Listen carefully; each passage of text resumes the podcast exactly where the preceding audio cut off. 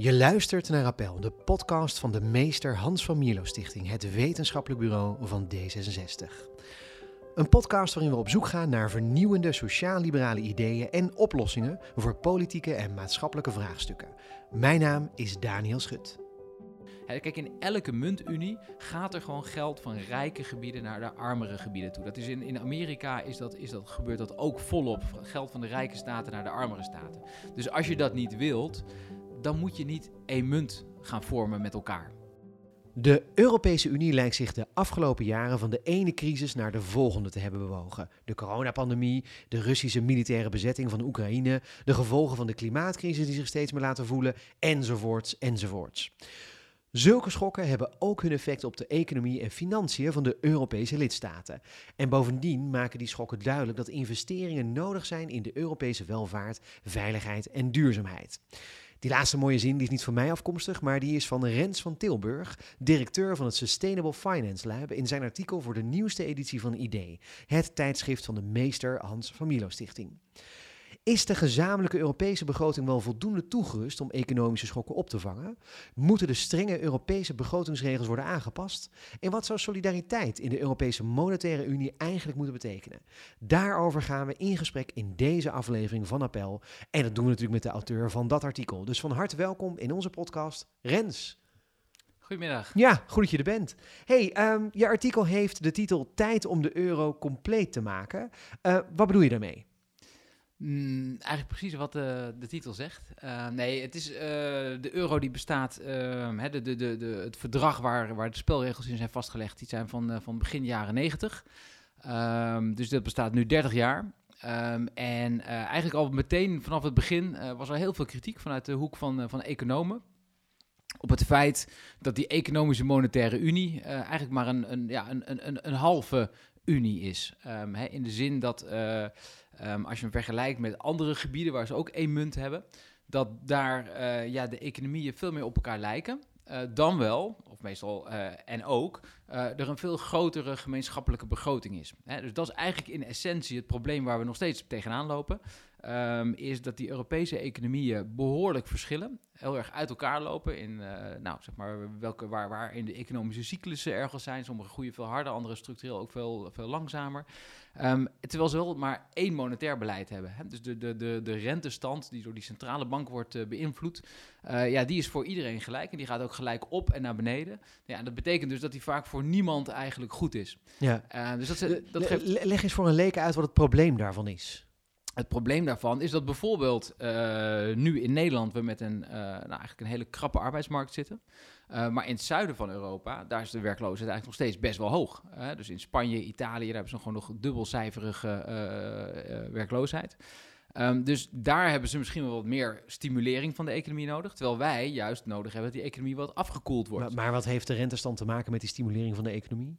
Nou, voor een totale leek, hè? Zeker, is, zeker, zeker. Nee, dat is heel goed. ja. uh, nou, kijk, die rentestand is eigenlijk traditioneel gezien de knop waar de centrale bankiers aan draaien om de economie soms net wat harder te laten gaan en soms net wat langzamer. Dus die centrale bankiers die hebben als uh, uh, primaire belangrijkste doelstelling prijzenstabiliteit. Ja, dat betekent dat er een heel klein beetje inflatie is, 2% zegt zegt de ECB. Uh, en um, ja, in feite was hun leven vroeger heel simpel. Uh, als die inflatie opliep, dan hè, was dat een teken van die economie die is eigenlijk te hard aan het gaan. Ja, dan moest die een beetje afgedempt worden. Dus dan deed je de rente een beetje omhoog. En dan werd het, daardoor werd het duurder om geld te lenen. Gingen mensen dus minder investeren, minder kopen. Nou ja, dan, dan, dan, dan demp je dus die economie af en dan gingen die prijzen ook weer wat naar beneden. En als het de andere kant op was, ja, dan ging je juist die rente verlagen. En dan gingen mensen juist investeren, geld uitgeven. En dan ging die economie weer wat harder lopen. Omdat ze makkelijk geld konden lenen en dat konden besteden aan... Precies, hè, want rente is eigenlijk de prijs van geld. Nou, en die centrale bankiers die kunnen daarin uh, in sturen. Uh, en zo konden ze dus een beetje kijken van, nou, wat heeft deze economie nodig? Nou, als je dan vervolgens Nederland en Duitsland in dezelfde monetaire unie stopt als Italië en Spanje... Um, en, en, die economieën die gaan hele andere dingen doen, ja, dan wordt het wel ingewikkeld om daar een goed monetair beleid voor, uh, voor te voeren. Dus dan is het vaak voor de ene is het te ruim, voor de andere is het te krap. Nou, en op zich was dat ook erkend. Hè? Dus begin jaren negentig waren allemaal studies al daarvoor gedaan van hoe moeten we dat nou doen als we één munt in Europa willen hebben. Dus dit probleem was onderkend. En in het Europees verdrag staat dus ook heel prominent de Europese Monetaire Unie gaat leiden tot convergentie van de economie. Hè? Dus die economieën gaan naar elkaar toe groeien. ja, en dat is eigenlijk maar heel beperkt gelukt. Ehm, en dat heeft dus alles te maken met het feit dat het maar een, ja, een halve uh, monetaire unie is. Want als je het bijvoorbeeld vergelijkt met Amerika, uh, hè, daar hebben ze ook één munt, de dollar. Uh, daar hebben ze ook behoorlijk uiteenlopende staten. Hè, die zijn ook echt wel, wel flink verschillend. Maar toch al een heel stuk meer hetzelfde als, als, als Europa. daar hebben ze ook een, een, een, financiële markt die eigenlijk voor al die staten werkt. Terwijl in Europa zijn de financiële markten ook nog eens een keer veel meer per land georganiseerd. Hè, wat ook weer die verschillen tussen de landen verder, verder aanjaagt. Um, dus dus um, uh, ja, wat je dan eigenlijk nodig hebt, is een begroting, een gezamenlijke begroting, waardoor je dan af en toe wat extra geld kan investeren in die plekken waar dat het hardste nodig is. Nou ja, Europa heeft een gemeenschappelijke begroting van 1% van het uh, bruto binnenlands product. En in Amerika, hè, waar het eigenlijk al veel beter zou gaan, hebben ze een gemeenschappelijke begroting van 30% van de economie. Nou, dat is denk ik de beste illustratie waarom ja, die Europese Monetaire Unie eigenlijk vanaf het begin af aan uh, ja, een halve monetaire unie was. En dat het dus sindsdien hè, wat economen altijd gezegd hebben van er moeten nog meer stappen gezet gaan worden, met name rondom een gemeenschappelijk begrotingsbeleid. Maar, maar, toch, als ik nu als uh, van buiten een beetje kijk en ik, uh, ik denk terug aan 1992 was het eerste verdrag van Maastricht, geloof ik. De euro werd ja.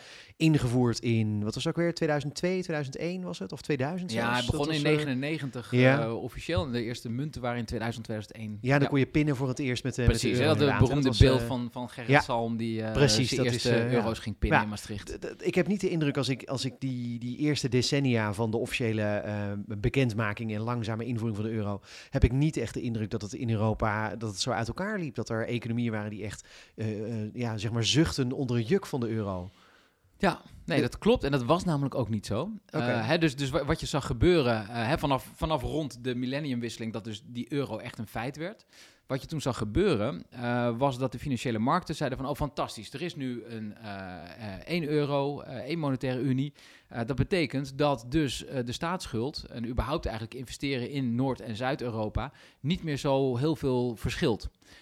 Hè, want voordat de euro er was, dus ook tot eind jaren 90, zag je dat uh, in Nederland de overheid kon lenen voor nou, relatief lage rentes. Terwijl um, in die zuidelijke landen, die moesten een hele hoge rente betalen. Um, nou, en, en, en dat was altijd zo geweest daarvoor. Dus daar ver verbaasde eigenlijk niemand zich over. En toen kwam die euro en eigenlijk plotsklaps uh, zag je dat met name dus die rentes in het zuiden keihard naar beneden gingen. Ongeveer tot de niveaus van de noordelijke landen. Nou, en daar stond eigenlijk iedereen bij te juichen. Want ze zeiden van, kijk, dit is dus wat de euro kan doen. Hè? Dus dat maakt, het, zeggen, maakt het veel goedkoper voor die zuidelijke landen... om geld aan te trekken en om uh, dus te kunnen investeren. Nou, dat is toen ook op grote schaal gebeurd. Um, uh, en dat heeft toen in die jaren ook echt wel tot convergentie geleid. Dus die economieën daar die gingen, gingen harder groeien. Uh, investeringen namen daar, uh, daartoe. Um, maar nou, toen kwam de crisis van 2008. Hè, dat was in zekere zin een wereldwijde of een Amerikaanse crisis. Maar die sloeg ook naar, naar Europa over. Nou, en in 2010, hè, toen, toen, toen, toen kwamen die. Um, tekorten in Griekenland boven water. En toen keerde eigenlijk dat hele sentiment. Toen zei ze: van, oh, maar wacht eens, wat heeft, dat, wat heeft het zuiden eigenlijk gedaan met dat geld wat we allemaal aan ze geleend hebben? Nou, en toen bleek dat er allerlei vastgoedprojecten... Maar je zegt we, uh, wie hebben dat geld dan geleend aan de Grieken? Dat was, uh... Nou ja, voor een belangrijk deel waren dat uh, de noordelijke banken. Hè? Dus ja. de Nederlandse, Duitse, Franse banken. Hè, die hebben allerlei geld geleend aan weer banken in die landen. Die dat vervolgens aan allerlei projectontwikkelaars hebben, hebben uitgeleend. En die projectontwikkelaars die hebben daar dus uh, ja, hele dorpen van gebouwd, vliegvelden op plekken waar nou, niemand wil wonen, niemand naartoe wil vliegen. Um, en, en op het moment dat dat geld dus geïnvesteerd was, werd, uh, ja, toen leek dat heel goed, hè, want er was ja. allemaal werkgelegenheid en die economie was daardoor aan het groeien. Maar ja, nu in één keer uh, ja, kwam de vraag op van, maar hoe gaan jullie dat geld eigenlijk terugbetalen? Nou, en toen schrok iedereen zich eigenlijk een hoedje en dacht van, ja, maar dat, dat gaat ze nooit lukken. Nou, en toen ging de rente daar in uh, het zuiden weer heel snel omhoog. Uh, nou, en, en dat was in feite de start van de eurocrisis die we toen, uh, toen kregen. Want toen ja, was duidelijk, die zuidelijke landen die gaan hier niet op eigen krachten uitkomen. Ja, ja toch wel interessant. Want als je, nu, uh, als je nu anno 2022 terugdenkt aan 2008... het eerste waar ik aan denk is toch wel Lehman Brothers... en die rare verpakte, wat was het ook weer? Ja. collateralized debt obligations was het geloof ja, ik inderdaad. Ja, subprime um, mortgages. Ja, precies. W wat heeft dat dan te maken met dat Griekenland in de problemen kwam? Dat is... Nou, kijk dat, dat is. Um, in de economie. Hè, kijk, de economie gaat altijd in, uh, in golven. Hè, dus er is een tijd van heel positief uh, gemoed. En dan lijken de, de bomen tot in de hemel te groeien. En dan is er een moment dat het, uh, dat het sentiment omkeert. En Ehm, het is altijd heel moeilijk om te zeggen wanneer en waardoor dat sentiment omkeert. Maar in feite was wat er in 2008 gebeurde met Lehman, dat was dus een omkering van het sentiment. Um, en en waar, waar, daarvoor zeg maar eigenlijk alle financiers een soort van roze bril op hebben en zeggen, nou dat gaat helemaal goed komen, jij krijgt van mij geld, ga maar investeren, gaan ze in één keer heel kritisch kijken. Dus diezelfde projectontwikkelaars in Spanje die uh, daarvoor nog uh, als visionairs werden gezien dat ze, dat ze steden gingen bouwen op plekken waar nog helemaal niemand woonde, ja, in één keer werd daarna gekeken, ja, maar jongens, dat is misschien wel... Er woont nog steeds niemand. Er woont nog steeds niemand. Wanneer gaat er dan een keertje iemand komen? Hè? Dus, dus dat, die omslag vond toen eigenlijk, uh, eigenlijk plaats. En, en dat is dus ook precies het soort van zelfversterkende effect wat je dan krijgt. Want dan gaan dus in één keer gaan dat de rente oplopen. En omdat de rente oploopt, uh, ja, gaat het ook steeds slechter in die landen. Waardoor die, die risico's ook weer hè, alsmaar groter worden. Dus de rente gaat nog weer verder oplopen. Nou, dan kom je dus in die vicieuze cirkel terecht. Uh, die we nu de eurocrisis noemen. Hè? Ja. Dus op dat moment de, de overheidsfinanciën die verslechterden daar, uh, daardoor. De, allemaal mensen die hun baan verloren, die moesten een uitkering krijgen. De banken die gingen failliet, die moesten ook weer gered worden. Hè. Dus dat was de beroemde doomloop, zeg maar, tussen de overheden en de banken in, uh, in het zuiden. Mm -hmm. dat, dat waren het soort van mechanismes die toen in, toen in, uh, ja, eigenlijk in werking traden. En ja, die Amerikanen die moesten daar wel een beetje om lachen, want in 2008...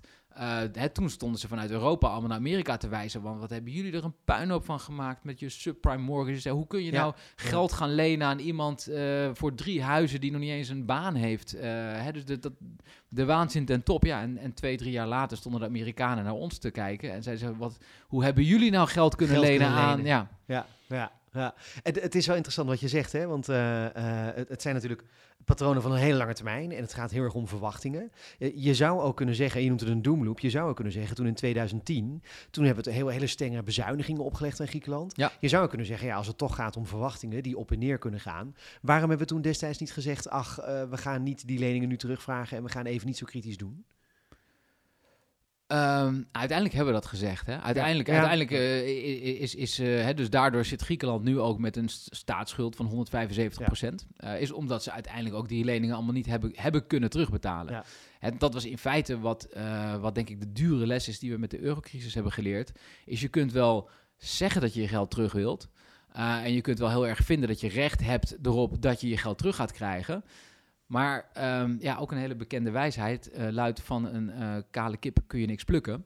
Uh, en dat is in feite wat Zuid-Europa toen was en in zekere zin nog steeds wel is. Um, hè, Heel Zuid-Europa of heb je het alleen echt over Griekenland? Nee, het, het, het, het verschilt. Hè. Dus er zitten natuurlijk ook in Italië, in Griekenland zitten fantastische bedrijven die buitengewoon kredietwaardig zijn. Maar ja, het land als geheel heeft wel een, uh, een, een, een staatsschuld uh, van, van, van, van 175 procent. Uh, Italië 150 procent. Uh, en dat terwijl die economie eigenlijk niet echt wil groeien.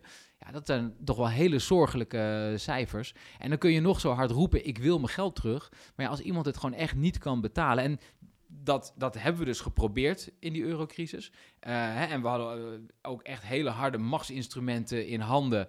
Waardoor we ook die landen zover kregen dat ze gingen bezuinigen. Hè, want we dachten, nou, dan, hè, dan moet je je geld niet in je eigen land uitgeven... maar dan moet je het aan ons geven. Maar het effect wat je zag, was dat die economie omdat die eigenlijk al helemaal in de prak lag, uh, nog meer ging krimpen dan wat er bezuinigd werd. Hè? Dus, dus daardoor, dan kon die overheid, die stelde dat die, dat die een miljoen bezuinigde, uh, ja, het effect op die economie was dat die met anderhalf tot twee miljoen ging krimpen. Dus de schuld van... van, van werd daarmee van, nog groter. Werd daar maar juist ja. groter als percentage van de economie. En dat is eigenlijk hè, het, het cijfer waar je naar zou, zou moeten kijken. Een soort negatief vliegwiel-effect was het eigenlijk. Hè. Precies. Was, hè, dus de, de, de, het meest bizarre was dat op een gegeven moment in Griekenland uh, leraren thuis zaten. Die konden niet meer betaald worden. Hè, dus die konden niet meer voor de klas staan, want ze konden geen salaris meer betalen. Ondertussen kregen ze wel weer iets van een, van een uitkering, maar minder. Um, en er zaten dus uh, gewoon Griekse kinderen thuis, omdat er geen leraar in de school was. Ja, als je dan even denkt over wat dat doet met, hè, nog even los van, mm. van, de, van de ellende voor die kinderen, maar wat dat doet met de kracht van een economie. Als je gewoon uh, ja, een generatie niet gaat opleiden. En, en, dat, en dat soort uitwassen, ja, die hebben we gewoon gezien uh, hier in Europa in 2010, 11, 12. Ja. Um, en uh, ja, dat is denk ik wel een hele dure les geweest, dat we dat niet nog een keer moeten laten gebeuren. Ja, het, het, dat brengt me een beetje bij de volgende vraag. Namelijk de, de volgende grote economische schok die we met z'n allen hebben gehad... was ook een schok waarin uh, kinderen veel thuis hebben gezeten... en niet altijd met hun leraren gepraat hebben. Dat was uh, de coronacrisis. En toen was de reactie wel totaal anders. Toen, toen, werd er eigenlijk al vrij snel gezegd...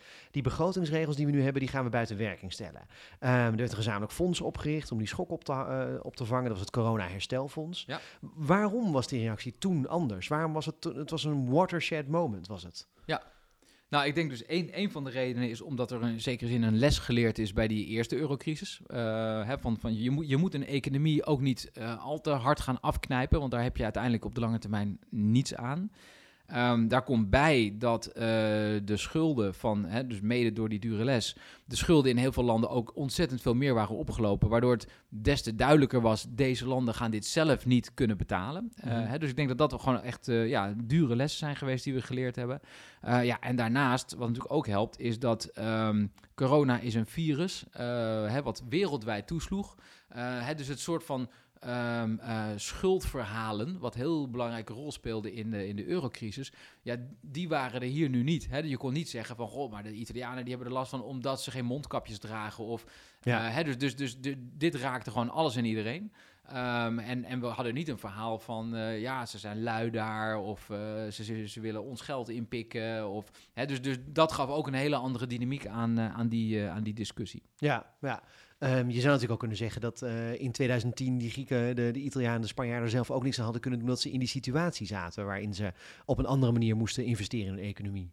Ja, dat is. Uh, nee, ja, kijk, ik, ja. ik, ik vond in die tijd dus ook al dat dat schuld- en boeteverhaal. Ja. dat dat eigenlijk uh, weinig zinvolle verklaring gaf. Hè? Dus we hadden het er net ook over. Hè? Waar dat geld wat ze daar op een uh, hele slechte manier geïnvesteerd hebben. dat kwam ook wel ergens vandaan. Sterker nog, dat kwam dus bij onze financiële instellingen vandaan. Ja. En daar ging het dan eigenlijk heel weinig over. De vraag van: goh, maar hoe hebben die duurbetaalde bankiers bij ons dat dan kunnen toestaan dat dat geld uh, voor dat soort doeleinden werd, uh, werd aangewend. Want wij betalen onze bankiers toch juist om de analyses te maken dat dat geld op een goede manier wordt aangewend, zodat Ja. we er wel met rente het ooit een keertje terug gaan, uh, gaan zien. Ja. Maar ja, dat was gewoon niet wat ja, de kant die de discussie toen op is gegaan. En geheel en al ten onrechte, denk ik. En ook vooral heel contraproductief. Want omdat we dus hier zeiden van ja, ze zijn gewoon lui, ze hebben het geld. Hè, de, onze minister van Financiën, Dijsselbloem, hè, die riep van uh, ze, uh, je moet je geld niet aan, aan drank en vrouwen uitgeven. Ja, dat ja, was nog wat. Ja. Daar, daar ben je, nee, maar dan, dan roep je dus bepaalde beelden op, hè, ja. of, die, of die, die, die bevestig je.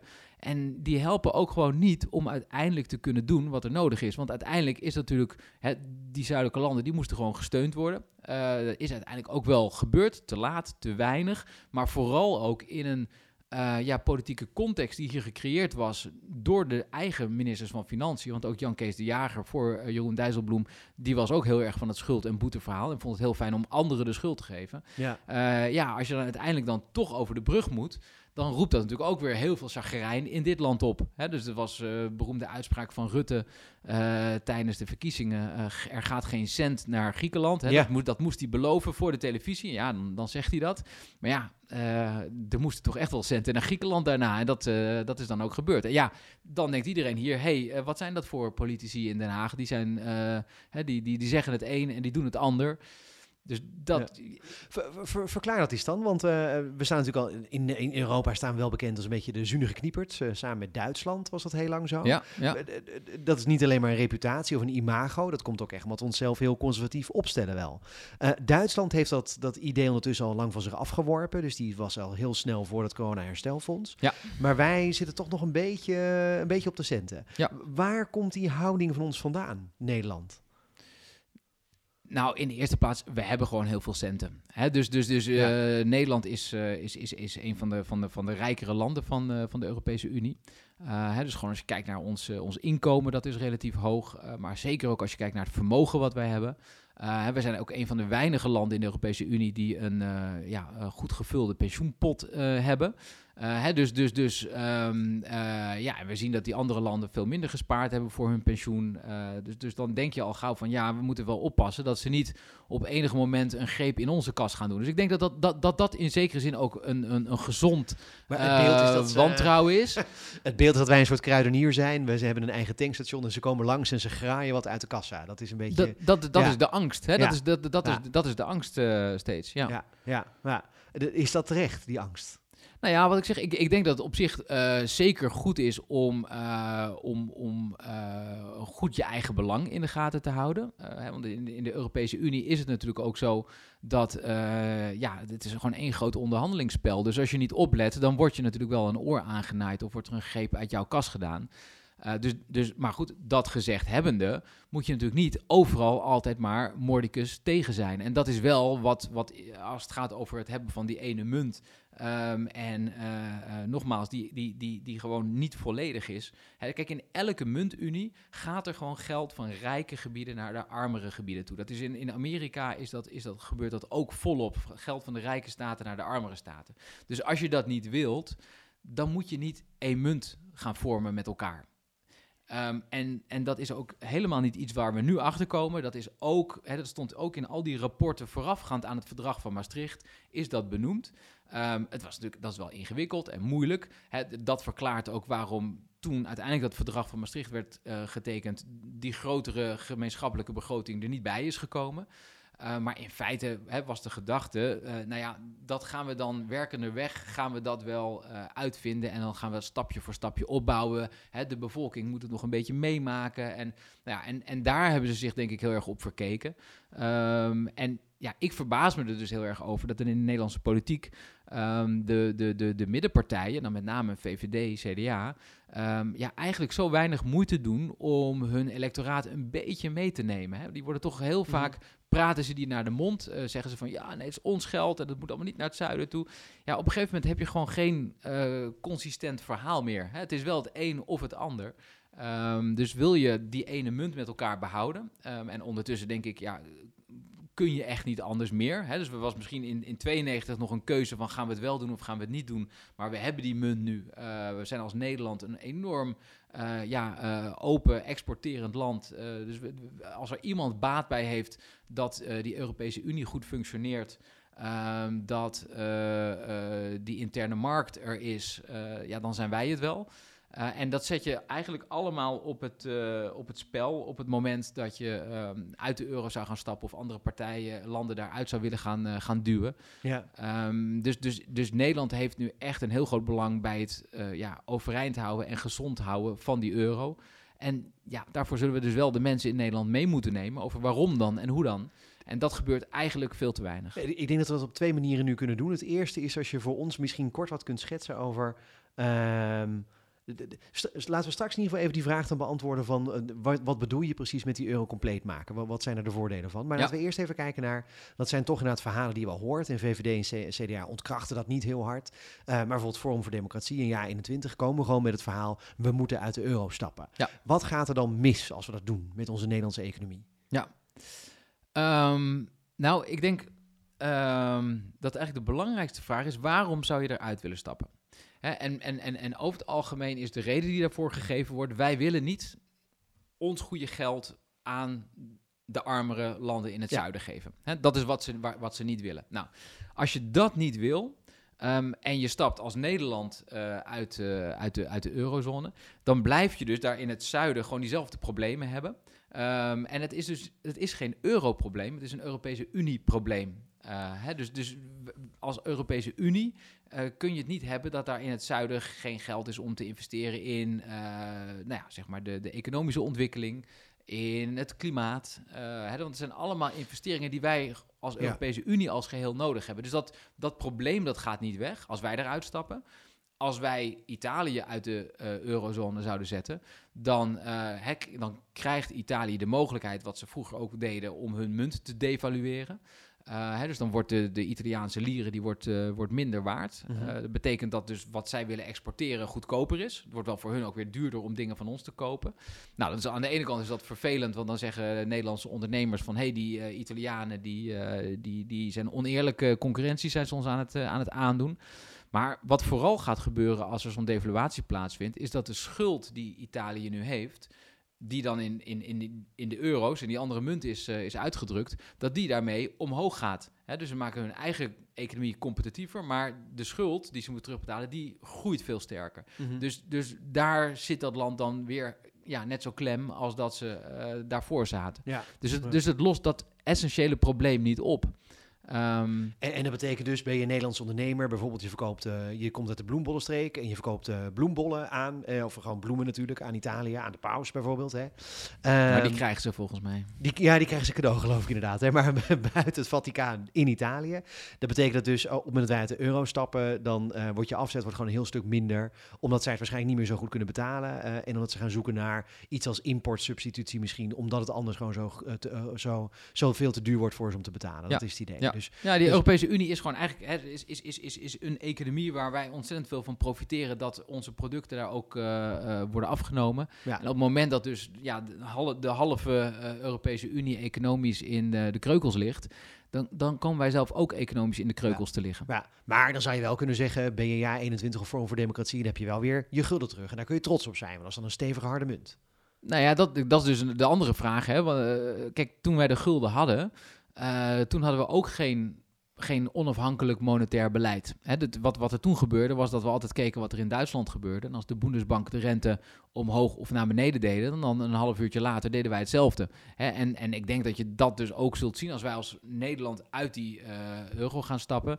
eh, dat we gewoon heel erg het beleid van de ECB nog steeds gaan, gaan volgen. Eh, iets wat overigens de andere landen in Europa die niet in de euro zitten ook op dit moment eh, doen. Want je, want je wil niet dat jouw koers enorm gaat zitten fluctueren ten opzichte van de, van, van, van de grote buurman. Ja, Eh, ja. dus, dus, dus, dus daar ga je geen, daar ga je geen, geen, geen vrijheid mee winnen. Nee, sterker nog, je moet nog steeds de- het rentebeleid van de ECB volgen. Eh, het enige verschil is dat je dan niet meer zelf aan tafel zit om mee te praten daarover. dus eigenlijk ben je dan de, dat mooi bezongen woord soevereiniteit. eh, ben je de, de, daarvoor wordt gezegd dat zijn we nu kwijt, want we hebben het aan eh, Brussel overgedragen of bij de ECB hebben we het Ja. neergelegd. Eigenlijk zeg je dus, stappen wij nu uit de euro, dan zijn we eigenlijk juist nog meer soevereiniteit kwijt. Want we, in de praktijk zullen we nog steeds de ECB blijven volgen. En tegelijkertijd zitten we niet meer aan tafel daar. Ja. Kijk, dat, dat, dat, dat, hè, dus dat, dat is natuurlijk ook de- hele discussie met Bre- Brexit geweest. eh, hè, dus eh, we, gaan weer helemaal vrij worden. Maar ja, vervolgens moeten ze, ze willen wel handel blijven drijven met Europa. Dus we moeten aan al die Europese regels even Ja. goed blijven voldoen. Alleen ze zitten niet meer aan tafel als die regels gemaakt gaan worden. Ja. Nou ja, en dat is voor Nederland hè, toch wel een paar eh, slagen kleiner dan, eh, dan het Verenigd Koninkrijk. Zal dat, zal dat nog veel sterker gelden. Hè? We, zijn, we zijn gewoon veel te klein om, ja, om echt eh, te onderhandelen met wie dan ook eigenlijk over, over regels. Dus ja, dan word je een, een regelnemer, zo gezegd. En dan moet je maar accepteren, dat is het. Precies, dus. Ja. ja. Nou, dat is dus het nadeel van uit de euro stappen. Maar- maar dan de andere kant, hè, want we hebben het dus over hoe we de bevolking kunnen meenemen met dit gesprek over de euro. De euro compleet maken, wat, wat houdt dat in? Ehm, nou, ik denk dus dat in de eerste plaats het belangrijk is dat die landen meer naar elkaar toe gaan, eh, gaan groeien. Ehm, en eh, wat daar gewoon simpelweg voor nodig is, dat zijn investeringen. Ehm, hè, en je zag dus inderdaad in die periode voor 2010 dat de investeringen in eh, het zuiden gewoon aan het toenemen waren. Werden niet altijd slim gedaan, maar hè, dat, dat gebeurde wel. In de eurocrisis zijn ze enorm gedwongen dus om te bezuinigen. Nou, daar zijn, zie je dus ook dat die investeringen daar heel hard naar beneden gaan. Veel harder dan in het, eh, in het noorden. Ehm, ja, en die liggen nu op een lager niveau. Op een niveau wat gewoon niet helpt om aan te haken bij het noorden. Dus dus, dus de, de spanning in de eurozone is daardoor ook alleen maar verder aan het toenemen. Het noorden is juist aan het weglopen bij het zuiden... in plaats van dat het naar Ja. elkaar toe aan het, eh, aan het groeien is. Dus, dus er moet daar geïnvesteerd worden. Ehm, ja, en daar hebben ze gewoon eh, ja, de, het geld voor nodig. En als je eh, nu al zo'n hoge schuld hebt... ehm, ehm, dan, dan, dan is nog hogere schulden aangaan is niet per se de oplossing. Dus daarom is dat mechanisme wat in dat corona-herstelfonds zit zo interessant. Hè, waarbij ze zeggen, we gaan dit geld met z'n allen op, eh, ophalen. Gewoon eh, met, eh, met, met alle Europese landen samen. En vervolgens gaan we het uitgeven ehm, eh, op die plekken waar het het hardste nodig is. Hè, dus daardoor zie je dat er gewoon veel meer geld naar het zuiden toe gaat. dan wat het zuiden bijdraagt aan het, Aan het pot. lenen van, van, van de pot, precies. Ja. Ja, en dat, dat is uiteindelijk wat er, wat, er, wat, wat er nodig is. Ja, ja. Ja. Ehm, andere dingen zijn natuurlijk dat eh, tijdens de pandemie is eh, de, de regels voor de staatsschuld, de hoogte daarvan, dat is opgeschoven.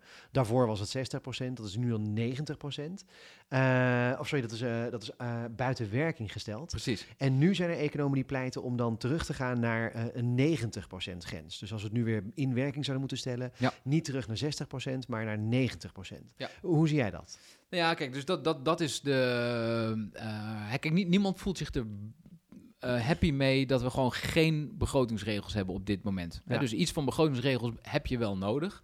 Ehm, maar ja, als we de huidige regels zouden gaan invoeren, dan zou dat direct een, een complete crisis in, eh, in, de, in de halve eurozone betekenen. Eh, hè, dat zou bijvoorbeeld te- betekenen dat, dat, dat een land als Griekenland een overschot van 7% eh, op zijn begroting moet, moet hebben.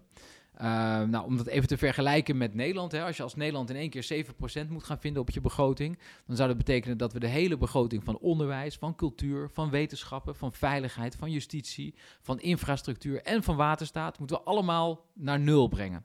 Dan heb je 7% van het eh, BBP in Nederland te pakken. Nou, dat, dat is dus, dat, dat kan dus niet. Nee. Hè? Ehm, dus om die reden eh, is het heel duidelijk van je kunt de huidige regels niet weer zo invoeren. Ehm, dus waar naar gezocht wordt, is een soort van flexibiliteit. eh, waarbij je dan zegt van oké, we zien dat dit land een grote probleem heeft. Dus die kan nu even niet aan die regels voldoen.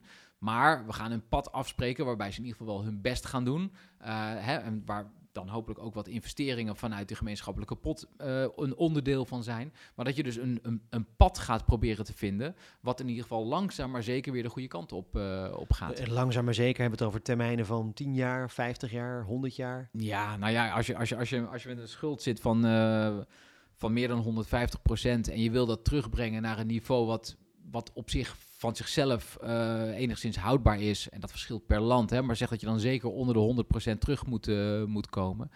Nou ja, dan moet je, moet je wel eh, flink groeien.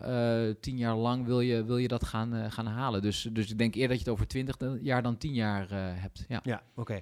Hoe weet je wat die quote is per land? Want je zegt het verschilt per land wat een goede staatsschuldquote is. Ja. hoe weet je dat?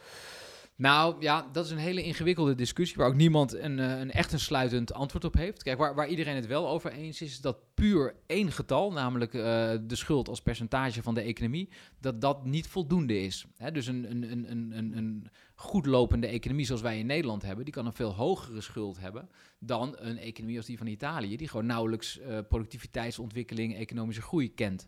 Eh, hè, dus, dus, dus wat dat betreft zou Nederland juist een veel, en dat is natuurlijk ook het perverse, juist de landen die eh, in het noorden, die hebben een veel lagere schuld eh, als percentage van de economie, terwijl die een veel hogere zouden kunnen dragen. En in het zuiden is het precies omgekeerd. Daar hebben ze juist een hele hoge schuld, terwijl ze eigenlijk heel slecht met die schuld om kunnen gaan. Uh, dus, dus met dat soort factoren zou je dan rekening moeten houden. Hè. Dan moet je gaan kijken van, uh, nou ja, wat is, wat is de, de productiviteitsontwikkeling, wat is de economische groei, uh, hoe ontwikkelt de werkgelegenheid zich, wat voor investeringen worden er op dit moment gedaan. Nou, en dan, hè, dus daar zou je een formule voor moeten vast gaan, gaan stellen, waar je dan ja, uiteindelijk, en die formule zal altijd gebrekkig zijn en aanvechtbaar, maar in ieder geval beter dan alleen maar kijken naar dat percentage ja. van, ja. de, van de economie. Ja. Wat, wat, wat, houdt het verder nog in om de, om de, euro, om de euro compleet te maken? Ja, nou ja, ik, ik, ik zei dus net, er, er zal geld van noord naar zuid toe, toe moeten gaan. Uh, ik denk dat het heel interessant is de vraag hoe je dat nou het beste kunt doen. Um, en daarbij uh, ben ik wel heel erg gecharmeerd van het idee van uh, wat, wat is gaan heten transitiefondsen. Want we hebben zo'n corona-herstelfonds, dat is een 750 miljard uit te geven tussen 2021 en 2026. Um, um, maar daarna zouden er weer andere fondsen kunnen komen, en, of zelfs al daarnaast eerder, uh, die dus gericht zijn op hele specifieke uitdagingen die we hebben. Zoals bijvoorbeeld de vergroening van, uh, van, van de economie, maar ook bijvoorbeeld om het, ja, het gat wat er op dit moment bestaat rondom allerlei nieuwe technologieën tussen Europa en China en Amerika, om dat te dichten. Hè. Dus er zijn nu grote initiatieven rondom cloud computing bijvoorbeeld in, in, in, in Europa gaande. Ja, dat kost allemaal gewoon heel erg veel geld. Um, en wederom, ja, dat geld dat hebben ze in het zuiden niet.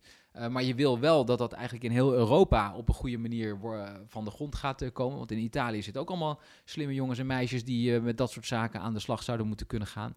Dus, dus dan zou je dat vanuit een gemeenschappelijk fonds kunnen, kunnen financieren. En dan zou je daar ook nog eens een keertje uh, wat bij dat uh, corona-herstelfonds is gebeurd, aan kunnen koppelen. Dat uh, als een um, land daar gebruik van gaat maken, dat ze dan wel ook een aantal hervormingen moeten doen. Hè, dus de, de, de, circuleren van die lijstjes die de Europese Commissie heeft opgesteld. Van nou, in Italië bijvoorbeeld, hè, daar duurt het ontzettend lang om een rechtszaak. Hè, als je als bedrijf daar een conflict krijgt, ja. duurt het enorm ja. lang voordat je eindelijk een keer een uitspraak hebt daar roept iedereen al jaren van dat moet echt uh, op een andere manier georganiseerd gaan worden. Maar ja, uh, in Italië allerlei gevestigde belangen, rechters, advocaten, die willen daar allemaal niet aan. Die verdienen er allemaal een hoop geld aan, aan al die procedures. Hè, dus dat, dus dat, dat sleept zich maar voor, dat, dat komt maar niet van de grond. Ja, en dit zijn typisch het soort van uh, manieren waarop je daar een doorbraak kan forceren. Ik kan zeggen, jongens, als jullie dit nou gaan, gaan herorganiseren, dan komt dat geld uh, los. En ja, dat, dan, dan kan je dus de, de hervormers in een land eigenlijk de wind in de zijde geven. Ja. Ja. dit zijn dus allemaal ideeën om te voorkomen dat je, uh, dat je dus niet meer projectontwikkelaars mooie steden laat bouwen. Um, en dat het dus niet meer is dat daar allemaal dorpen leeg staan uh, en dat wil je dus voorkomen. Um, als ik je goed samenvat, zeg je eigenlijk van, nou ja, er zijn eigenlijk twee dingen tegelijkertijd. Aan de ene kant die transitiefondsen, uh, aan de andere kant de bureaucratische voorwaarden. Om te zorgen dat die economie gewoon soepeler loopt als het ware.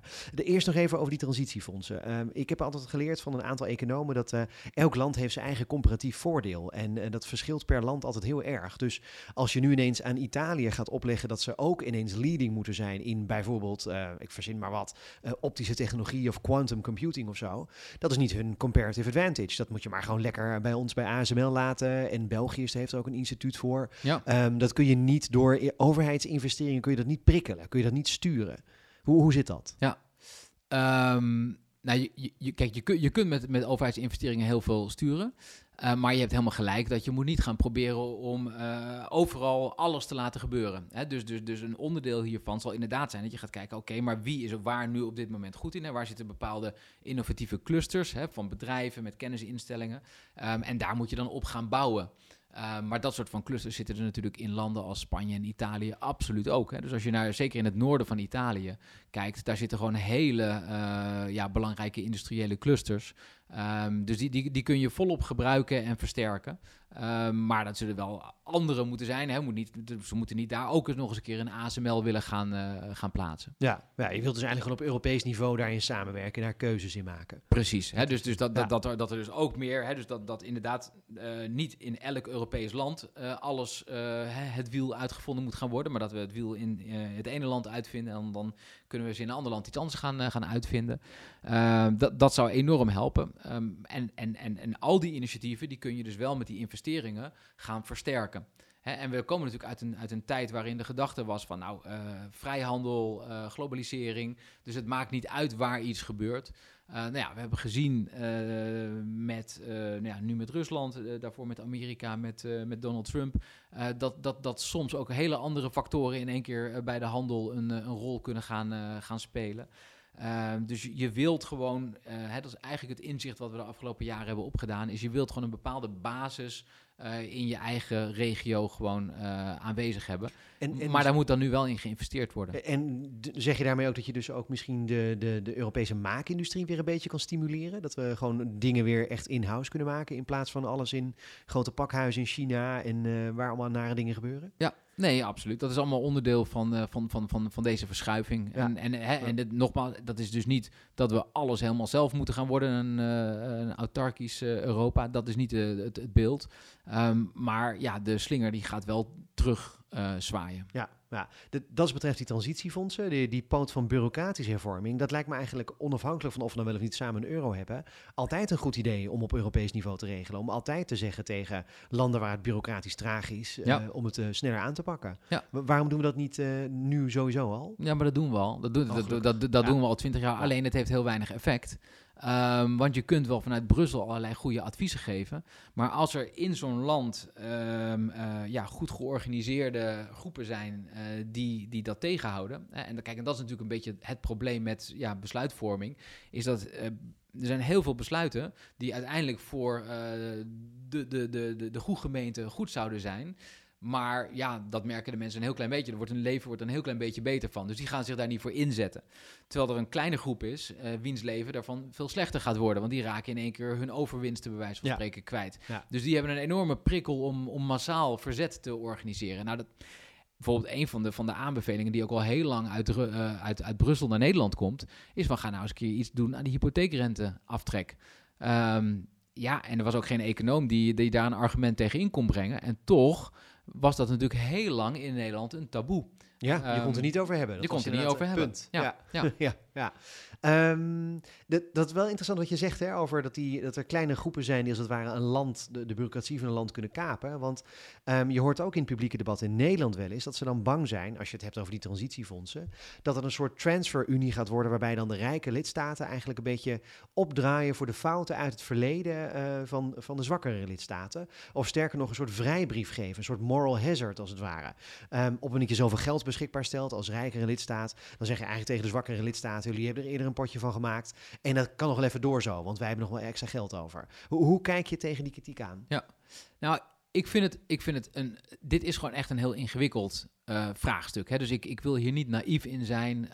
Um, uh, ik denk echt dat je heel erg goed moet oppassen met, met, met hoe je dat geld die kant op gaat uh, brengen ik denk je moet wel oppassen met al te veel terug te kijken. Uh, dus ja, er zijn in het verleden in al die landen uh, fouten gemaakt. Uh, ook in Nederland overigens. Hè, maar stel dat dat hier minder het geval zou zijn. Dan nog heeft het niet zo heel veel zin om ja, terug te blijven kijken. We moeten echt vooruit kijken waar we naartoe willen. En dan is het wel heel belangrijk om jezelf de vraag te stellen van ja, maar is het nou realistisch? Hè? Als wij die investeringen daar gaan maken, gaat dat uiteindelijk ook echt iets opleveren? gaan ze die hervormingen echt uitvoeren? Um, maar het interessante vind ik dus van uh, dat corona-herstelfonds is dat daarvoor de eerste keer um, de, de, de wortel en de stok uh, gewoon uh, goed samen aan het werken zijn. Ja. En, dat, dat, en dat is eigenlijk heel lang niet het geval geweest. Hè. Dus je had heel veel geld, of dat nou um, landbouwsubsidies zijn of die sociale cohesiefondsen. Dat was gewoon heel veel Europees geld, wat eigenlijk om niet werd weggegeven. Zaten, zaten, zaten, zaten eigenlijk, hè, daar hoefde je als land niks anders voor te doen dan arm zijn of schapen laten rondlopen. hè, dan, en dan, dan, dan kwam dat geld. Um, en, en het interessante van dat uh, corona-herstelfonds is dat we nu voor de eerste keer zeggen: Nou, het geld is er. Um, dat heeft ook nog eens een keer een, een, bestemming die echt het idee van een investering heeft. Dat dat, dat, dat je, je economie ook echt sterker gaat maken. Maar je krijgt het alleen als je ook een aantal hervormingen gaat doorvoeren. En, en, en ja, dat is denk ik een, hele krachtig, een heel krachtig concept. Waarbij er inderdaad ontzettend veel uh, voetangels en klemmen zitten in de uitvoering daarvan. Um, dus dus ik, ik, maak me ook geen enkele illusie dat we niet over een paar jaar uh, ook schandalen opduiken van geld wat gewoon ja, achterover is gedrukt. Of, dat, dat gaat gewoon gebeuren. Dat gebeurt, laten we wel wezen, ook in Nederland is er best zo nu en dan iets wat misgaat, wat riekt naar corruptie. En dat, je moet, dat moet je bestrijden. Um, en misschien is het daar wel meer dan hier. Um, maar uh, ja, ik denk dat, dat, dat dat eigenlijk is waar we het over zouden moeten hebben. Is van hoe gaan we dit nou op een goede manier um, in het vat gieten? Hoe gaan we nou zorgen dat dat geld echt onder de juiste voorwaarden, dat dat goed gemonitord wordt, um, dat, dat dat geld dus echt goed terechtkomt? Da daar zou het over moeten gaan. En helaas zitten we nog eigenlijk in de discussie daarvoor van moeten we dat überhaupt wel, uh, wel, wel willen? Ja, um, en ik ja. denk van ja, als je gewoon kijkt naar hoe die economie in elkaar zit, hoe het zich aan het ontwikkelen is, ja, dan heb je geen andere keuze dan, dan dit te gaan doen. En dan kun je het maar beter op een goede manier gaan proberen te doen. Ja. En, en daarbij zeg je dus, hè, dus de vraag is niet, uh, moeten we het willen ja of nee, maar de vraag is, hoe moeten we het willen? Ja. Uh, en daarbij zeg je ook, kijk dan vooral naar de grosso modo effecten. Natuurlijk kun je, kun je ooit een keer een schandaal vinden. Ja. Maar het gaat om, als je 20 miljard weggeeft, dat die 19 miljard of 19,5 miljard dan goed terechtkomt. En dan 0,5 miljard is nog steeds gigantisch veel geld. Uh, daar kunnen we in Nederland ongeveer net één huis van kopen op een grachtenpand, denk ik zo'n beetje. Uh, maar, maar, maar, dat moet je dan voor lief nemen eigenlijk. Als je kijkt naar het grote effect, wat het grote geld wel oplevert, ja. dat kleine beetje erbij, dat moet je dan maar voor lief nemen. Um, ja, dat is denk ik een heldere reactie. Um, ik ben ook nog wel benieuwd. Uh, inflatie, daar hebben we nu ook mee te maken. Um, ik heb altijd zo'n idee dat als er een hele hoge inflatie is, dat schulden dan niet meer zo belangrijk worden. Hoe zit dat? Uh, ja, dat, dat is eh, historisch gezien is dat eigenlijk uh, de manier om van schulden af te komen, um, is inderdaad inflatie. Um, hè, dus, dus, dus, dus is dat voor landen of voor mensen? Want dat maakt nogal uit, hè? Nou, dat geldt voor, eigenlijk voor, voor, voor beide. Okay. Dus, want, want, want jouw schuld die is gesteld nominaal in een, in een vast bedrag. Ehm, ja, en als dan uh, de munt waarin die gesteld is uh, ontzettend aan waarde verliest, ja, dan, dan, dan, dan daalt dus in feite jouw, uh, jouw, jouw schuld. Mm. Um, hè, dus dus die, die inflatie is wat dat betreft een, een zegen. Um, maar ja, belangrijker op dit moment is gewoon dat een inflatie in zo'n economie ook heel veel slechte effecten heeft. Hè, dus mensen zien hun, hun koopkracht afnemen. Uh, worden daar onzeker door, uh, gaan minder geld uitgeven. Uh, dus dat is de ene kant die het op kan gaan. En dan kom je, kom je eigenlijk in een recessie terecht. De andere kant die het op kan gaan is dat mensen zeggen van... hé, hey, wacht eens even, mijn geld wordt minder waard. Dan wil ik meer geld hebben van mijn werkgever. en met als gevolg dat nou, de lonen omhoog gaan, de prijzen nog verder omhoog gaan. Hè? Dus dat je in een soort van loonprijsspiraal terechtkomt, waarbij die inflatie alsmaar, uh, alsmaar hoger wordt. En dat is wat we in 19, de jaren 70 hebben meegemaakt met de, de olieschokken destijds. Ja. Dat we dus in het begon met ook met een korte termijn schok eigenlijk. Ja. En daarna kwam een loonprijsspiraal op gang, waardoor we in stagflatie terechtkwamen, is maar wat ik me kan herinneren. Heel goed, heel, ja. Een middelbare school, een lesje economie, ja. economie, ja, niet precies. meer groeide, maar waar de, waar de prijzen wel omhoog uh, bleven gaan. Ja, uh, ja en, en, hè, en waar dus in de jaren 80 toen uiteindelijk door de centrale banken heel hardhandig uh, een einde aan is, uh, is gemaakt. Want die hebben toen de, de rente heel erg uh, verhoogd. Hè, dan komen we eventjes terug bij het, het kleine economielesje uit het begin. hè, van, van, van, van, van hoe werkt zo'n centrale bank nou? Nou, dus die zagen die inflatie, die prijs, prijzen gingen allemaal heel hard omhoog. en zeiden van ja, dan moeten we dus die economie gaan afremmen om, om die prijzen naar beneden te krijgen. Dus die hebben toen de, hè, in de, de, daar was de Amerikaanse centrale bank die, die leidde dat. Maar ja, was ook toen al een, een, een geglobaliseerde wereld. Dus die andere centrale banken die moesten dat wel tot op zekere hoogte volgen. Uh, maar daar ging de rente van, uh, nou, van heel weinig naar, uh, naar 20, 25 procent. ja, en op dat moment stopt dan dus eigenlijk bijna alle investeringen. Want, ja. want ja, wie, wie kan dat geld nog terugverdienen? Te meer omdat die economie op dat moment in een recessie terecht kwam. Hè? Dus die economie die begon te krimpen. ja, en dat, dat maakt mensen ook niet enthousiaster om, om te investeren. Nou, had dus wel tot gevolg dat die werkloosheid enorm opliep. Hè? Dus de, de verloren generatie van de jaren 80. Uh, ja, dat, dat, wil je, dat wil je niet hebben. Hè? Dus dat is ook wel waarom de centrale banken nu zoiets hebben van... nou, we gaan nu snel uh, optreden om, uh, om te voorkomen dat we in zo'n soort van situatie uh, ja. terecht gaan komen. Ik wil inderdaad net vragen, van de, je maakt die koppeling tussen de Amerikaanse centrale bank, de Federal Reserve en de, de ECB. Dat ze vroeger, nou, de ECB bestond toen nog niet, maar dat, ja. dat toen volgend was. Um, de Fed nu heeft al wel de rente verhoogd. Ja. niet naar 20% geloof ik. Ik weet niet hoeveel procent zit Nee hoor, ik uh, durf niet te zeggen, maar dat zit in een paar procenten. Dus dat, nu, zeg maar, dat is nog, nog heel veilig terrein eigenlijk. Maar, maar de ECB heeft dat nog niet gevolgd tot nu toe. Waarom? Hoe zit dat? Nou, um, er is in de eerste plaats echt een verschil tussen de Amerikaanse economie en de Europese economie. Dus in Amerika is gewoon uh, over die hele grote Amerikaanse economie gezien, is die werkloosheid extreem laag. Uh, zie je dus ook dat de lonen al flink aan het stijgen zijn. Is de inflatie zelf ook gewoon hoger. Hè, dus, dus, dus, en veel breder. Dus de, de, in veel meer verschillende producten zijn die prijsstijgingen gaande. Dus, dus, dus er is eigenlijk nauwelijks een uh, discussie over of het verstandig is om uh, in Amerika de rente te verhogen. Dus daar gebeurt het ook al. En uh, nou, we gaan nu binnenkort zien wat het effect daarvan gaat, gaat zijn. In Europa is het gewoon echt een hele andere situatie. Waar we het ook eerder over hadden. Als je kijkt naar de Nederlandse of de Duitse economie, dan, dan lijkt die heel erg op de Amerikaanse economie. Hè, en zeg je, oh, die rente moet omhoog. Maar ja, die rente is ook voor Zuid-Europa. En als je naar Zuid-Europa kijkt, dan zie je dat er nog één op de drie jongeren nog steeds uh, werkloos langs de kant staat. En, hè, dus, dus, dus, dus, dus dat is een veel genuanceerder verhaal of je daar nou die rente wil, wil gaan verhogen. Daarbij is de inflatie in Europa ook nog veel meer uh, gestuurd door puur die energieprijzen. Het is wel weliswaar steeds breder aan het worden, maar het aandeel van die energie is nog steeds in Europa veel groter dan in Amerika. Um, met als gevolg dat als je kijkt naar de kerninflatie, dat is dus eigenlijk de inflatie waarbij je de voedsel- en de uh, energieprijzen eruit haalt. En dat wordt van oudsher vaak gedaan omdat die gewoon heel erg kunnen fluctueren, zowel naar boven als naar onder. Dus als je mhm. daar steeds op gaat reageren, dan ben je continu je rente op en neer aan het doen en daar wordt ook niemand gelukkig van. Dus er is dus gezegd van we, eigenlijk die kerninflatie, die, daar willen we op, uh, op sturen. Wat zit er in die kerninflatie dan wel? Als je... Ja, alle andere dingen. Die, hè, dus dus de, de inflatie is in feite een mandje van de dingen die mensen in hun leven zo al kopen. Uh, ja, en daar haal je dan de voedsel en de energie uit en Schoenen, al, kleren, al het andere. dat is, ja, noem maar, ja. ja. wat, Ja. waar je je geld allemaal aan uitgeeft. Maar dat, eigenlijk al het andere. Ehm, en, en die is op dit moment ook in Europa weliswaar hoger dan die 2% doelstelling. Het zou ergens 3, 3,5% zijn. Ehm, maar dus niet zo dramatisch veel hoger.